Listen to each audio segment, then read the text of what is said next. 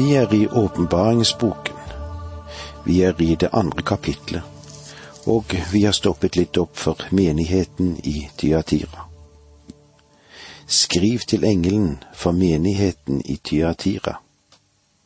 Dette sier Guds sønn, han som har øyne som flammende ild og føtter som bronse. Jeg vet om dine gjerninger, din kjærlighet og din tro, din tjeneste og din utholdenhet. Ja, dine siste gjerninger har overgått dine første. Men jeg har dette imot deg, at du lar kvinnen Jesabel holde på, hun som kaller seg profet, men som med sin lære lokker mine tjenere til å drive hor og spise avgudsoffer. I innledningen så får vi altså noen anerkjennende ord. Vi ser kanskje ikke bort fra alvorstyngden som òg Herren kommer med i sin irettesettende tale. Han har noe vesentlig å innvende mot denne menighetsleders praksis, som menigheten også er medansvarlig i. Jeg har dette imot deg, at du lar kvinnen Jesabel holde på, hun som kaller seg profet, men som i sin lære lokker mine tjenere til å drive hor og spise avgudsoffer. Kanskje du har lagt merke til motsetningene mellom Efesos og Tyatira. Den er ganske påtagelig. I Efesos viste de en fast holdning mot all utglidning av lære og liv. Men det som var feilen her, de sviktet i kjærligheten. Tyatira får ros for kjærlighet og tro, men de svikter når det gjelder å ha vakthold om lære og liv. Kjærligheten syntes å ha manglet den nødvendige fasthet overfor villfarelse og svermeri. Herren finner ikke her noe fellesskap i sitat mot nikolaitenes lære, men de virker ettergivende, der striden skulle stå. Hvor ubehøyelig strenghet hadde vært mer på sin plass. Tenk deg, du la kvinnen Jesabel holde på. Bak navnet Jesabel skjuler det seg sikkert en person. Her er det en kvinne innen menigheten. Ikke en sekt eller gruppe, men det er et dekknavn. Dette er ikke hennes sanne navn. Og slik har det en symbolsk betydning òg. Det karakteriserer henne og hennes gjerninger, dette. Hun kaller seg for profet, og har åpenbart vært en leder for en gruppe eller en sekt innen menigheten. Den historiske Jesabel var kong Abbas beryktede dronning. Hun ga seg visst ikke selv ut for å være profet men hun underholdt profeter i en mengde for Bal og Astare, som begge var fruktbarhetsguder. Som Akabs Jesabel forførte Israel til en sanselig preget avgudsdyrkelse, så forfører denne såkalte profetinnen Herrens tjenere til å drive hor og til å ete avgudsoffer. Jesabel den, denne personen representerer likevel noe helt spesielt. Hun er nemlig både profetinne for en sensuell preget svermeri innen menigheten.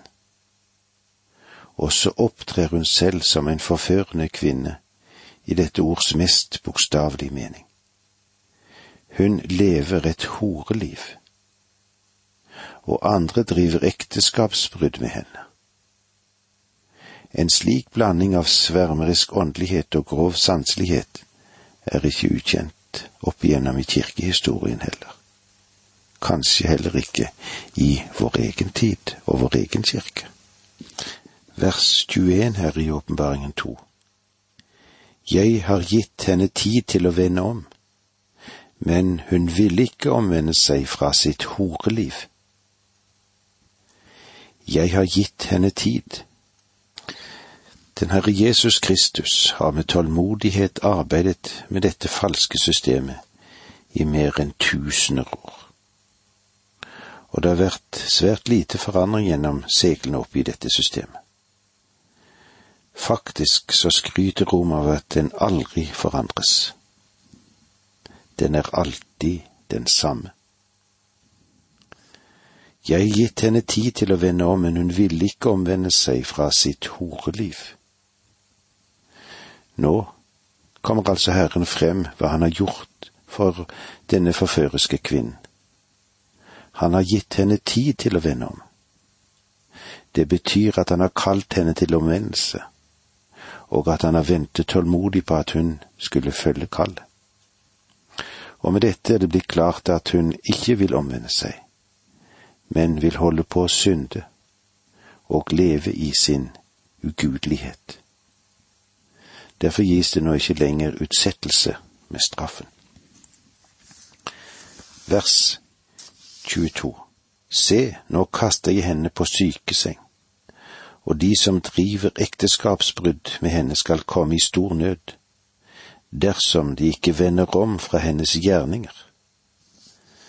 Stor nød, det henviser til de store prøvelsene som en frafalden kirke vil gå inn i. Igjen manes det til omvendelse for menigheten, vers 23. Og barna hennes vil jeg la døden rykke bort. Slik skal alle menighetene få erfare at jeg er den som gransker nyrer og hjerter, og som gjengjelder enhver av dere etter det han har gjort. Barna hennes, de er de som har blitt fostret opp under dette systemet. Vil jeg la døden rykke bort? I dette tilfellet tenkes det vel nærmest på den annen død, som er et uttrykk som er brukt tidligere. Alle menighetene må også henvises til menigheten gjennom alle tider, og ikke bare den lokale menigheten det her er snakk om, eller den tidsepoke denne menigheten eventuelt i historien skulle dekke. Nyrer betyr bokstavelig talt nyrer og henviser til he hele den psykologiske sammenheng, tanker, følelser og målsettinger. Når det sies at han gransker nyrer og hjerte, betyr det at han gransker alt ved oss og tar hensyn til alle forhold. Herren vil gripe inn og straffe i det åpenbare for å rense sin menighet fra dette syndige forfall som har oppstått og ved å se at han gjør det, skal alle i menigheten tjene at han er den som gransker både nyrer og hjerter, og så dømmer han sitt folk etter deres gjerninger. Det er han som har øyne som flammende ild som taler slik. Han gjennomskuer alt og gransker mennesket inntil det mest hemmelige utspring for handlinger, for følelse, for forstand og for vilje. Varsel om dom får her en klar adresse til den enkelte i menigheten. Jeg gjengjelder enhver av dere etter det han har gjort. Rettferdiggjørelsen av tro utelukker ikke at en skal dømmes etter sine gjerninger. Herren ser etter omvendelsens frukter hos sitt folk. Vers 24 men dere andre i Tyatira, alle som ikke følger denne lære og ikke har kjent Satans dybder, som de kaller det, til dere vil jeg si, jeg legger ikke noen ny byrde på dere. Fra historien vet vi at menigheten i Tyatira hadde en kort eksistens fordi den gikk til grunne sammen med byen da den ble erobret og utslettet av fiender. Satans dybder henviser kanskje til en gnostisk sekt kjent som omhittene. de som tilba slangen. De latterliggjorde og laget parodi på de ord Paulus hadde uttalt og skrevet. Alt kjetteri skryter av en overordnet åndelig mottaksevne, og det var nettopp det denne gruppen gjorde. Vers 25 Hold bare fast på det dere har, inntil jeg kommer. Her synes det å være antydet at Kristus begynner å si til sin menighet, Jeg kommer for å hente dere, og på grunn av det så må dere stå fast i meg. Bare hold fast på det dere har inntil jeg kommer. Ved troen har vi fått alt i Kristus. Nå gjelder det bare å holde fast på det inntil jeg kommer. Da er all fristelse og strid slutt. For å nå seirende frem til den dagen er det dette som fremfor alt er nødvendig, å holde fast på den har fått i Kristus gjennom evangeliet. Og med disse ordene sier vi takk for nå, må Gud være med deg. Dette undervisningsprogrammet består av to deler. Åge Nevland fortsetter nå med andre del av dagens undervisning. Vi er i åpenbaringsboken. Vi er i kapittel to, hvor vi møter de syv menighetene. Og nå er vi inne i det som har med Tyatira å gjøre, eller avslutningen, dersom brevet forandrer seg lite grann. Vi leser sammen versene 26 og 27 av det som har med Tyatira-menigheten å gjøre. Den som seirer og til det siste holder fast på de gjerninger jeg vil dere skal gjøre, ham vil jeg gi makt over folkene. Med jernstav skal han styre dem, og som leirkar skal de knuses. Og vers 28. Den samme makt har jeg fått av min far og jeg vil gi ham morgenstjern. Med dette så inntrer den formelle forandringen at løftet til den som seirer, før formaningen til å høre. Det er en variasjon som skiller de tre første brevene fra de fire siste. Her oppstår det noe nytt. Til det seirende liv, ja, der hører det med å holde fast på de gjerninger som Jesus vil at hans folk skal gjøre. Disse gjerninger har vi i hans eget ord og i hans eksempel. Vi kan se hva det står i Matteus 28,20. Og lære dem å holde alt det jeg har befalt dere, og se, jeg er med dere alle dager inntil verdens ende. Den aktuelle motsetning her, her er Jesabel sine gjerninger, som vi så i vers 22. Løftet til den som seirer, er formet med ord, slik som vi finner det i Salme 2, vers 8 og 9. Be meg, så gir jeg deg folkene til arv og hele jorden til eie.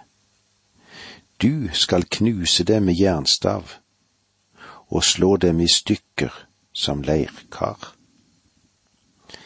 I stedet for å ligge under for hedenskapets forførelse skal den som til det siste blir tro mot Jesus, herske sammen med ham over folkene. Den som seirer og til det siste holder fast på de gjerninger jeg vil dere skal gjøre, ham vil jeg gi makt over folkene. Kristi gjerninger står altså i kontrast til det som Jesabel hadde som sine gjerninger. Kristi gjerninger skjer ved Den hellige ånd. Vi overvinner gjennom tro, og ikke gjennom anstrengelse. Makt over folkene blir forklart av Paulus når han skriver til de troende i Korint, slik som vi ser det i første Korinterbrev 6.2. Vet dere ikke at de hellige skal dømme verden? vers 27. Med jernstav skal han styre dem, og som leirkar skal de knuses. Dette henviser til Kristi herredømme som de troende vil ha sin del i. Og vers 28. Den samme makt har jeg fått av min far, og jeg vil gi ham morgenstjernen. Kristus, han er den skinnende morgenstjernen, slik som vi ser det i Åpenbaringen 22, 16. Kristi komme for å hente sine egne ved bortrykkelsen er menighetens håp. Mens vi venter på at vårt håp skal få sin salige oppfyllelse, og at vår store Gud og frelse Kristus Jesus skal komme til syne i herligheten. Vers 29 Den som har ører, hør hva Ånden sier til menighetene. Jesabels barn vil ikke høre. Men Jesu Kristi sanne barn, de vil høre. For Den hellige ånd gjør dem åpne for ordet, og for den tale som Kristus vil gi gjennom ordet. Og det var så langt som vi hadde med oss ifra menigheten i Tyatira. Vi går nå over i kapittel tre, og vi vil se litt på hvordan det med Kristi brev til menigheten i Sardes. I dette panorama av kirkehistorie, om vi følger tråden som vi har tatt med oss opp fra begynnelsen, så vil Sardes representere protestantismen, den som vi har i perioden mellom år 1517 og frem til ca. år 1800. Jeg tror vi kan begynne med Martin Luther som slo opp de 95 tesene på kirkedøren i Wittenberg. Det er reformasjonsepoke og fører oss frem til begynnelsen av den store misjonsbevegelse i kirkens historie. Sardes, det var hovedstaden i kongedømmet Lydia, og en av de eldste og viktigste byene i Lille-Asia. Den eh, lå inne i landet, og eh, ble bygget på et smalt platå høyt oppe på Hermusdalen. Tre sider av byen var omgitt av høye klippevegger som steg nesten loddrett, og byen var omtrent uinntakelig. Den eneste adgangen inn finner du på sydsiden via en bratt og smal vei. Etter hvert som sivilisasjonen og handelsvirksomheten utviklet seg, ble dette platået for lite og en ny by reiser seg lavere nede vest for den opprinnelige byen. Den gamle byen, den ble brukt som et akropolis, et gudefjell. Dette gjorde byen todelt, og det ble brukt et flertallsnavn på den, Sardeis, eller Sardis. Selve sletten omkring var svært så fruktbare ved at elven Paktolos ga vann til jordbruksområdene. Denne byen ble sentrum for teppeindustri og var kjent for sin rikdom. Mynter ble først preget der. Den siste regenten over byen var den styrtrike Krøsus. Han ble tatt til fange av Kyros. Han ble ansett som den rikeste mann i verden og det så ut til at alt det han rørte ved, ble til gull. Sardes, den ble styrt av perserne, av Alexander, av Antiokus den store, og så til sist av romerne. Byen ble ødelagt av et jordskjelv under Tiberius' regjeringstid. I våre dager så kan du fremdeles se ruinene etter Kybele-tempelet og også av Apollo-tempelet.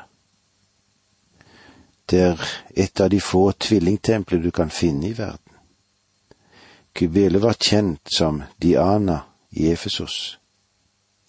Men når denne avgudstilbedelsen bredte seg inn over landet, ble hun en naturgudinne. Hun var månens gudinne, og Apollo var solens gud. De var bror og søster. Dette utviklet seg til en svært korrupt religion. svært lik tilbedelsen av Diana Jefesos.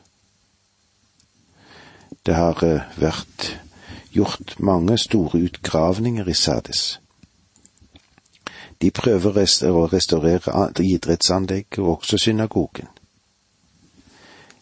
De har avdekket det, den romerske veien som finnes her. Og her har Paulus vandret opp og ned flere ganger. Men nå, la oss lese sammen det som står i det første verset i kapittel tre. Skriv til engelen for menigheten i Serdis. Dette sier han som har de sju Guds ånder og de sju stjerner. Jeg vet om dine gjerninger.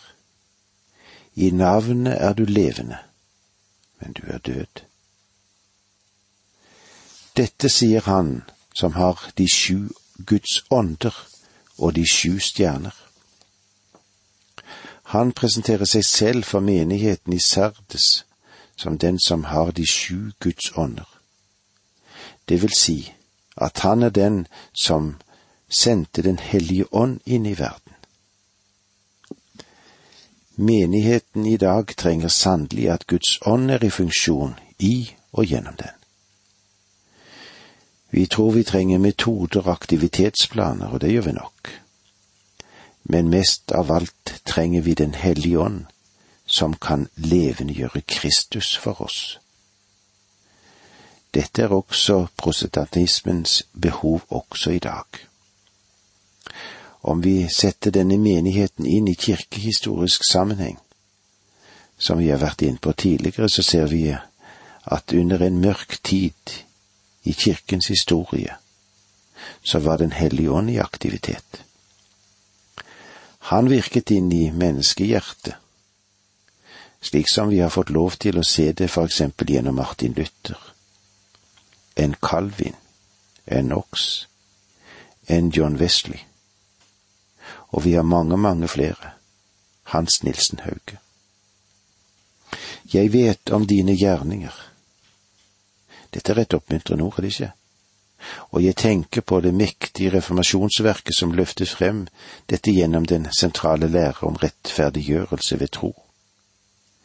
Og denne tro ga seg selv velsignede utslag. Jeg vet om dine gjerninger. I navnet er du levende, men du er død. Tenk igjennom disse tingene til vi møtes igjen, for det var så langt vi kom i dag. Takk for nå, må Gud være med deg.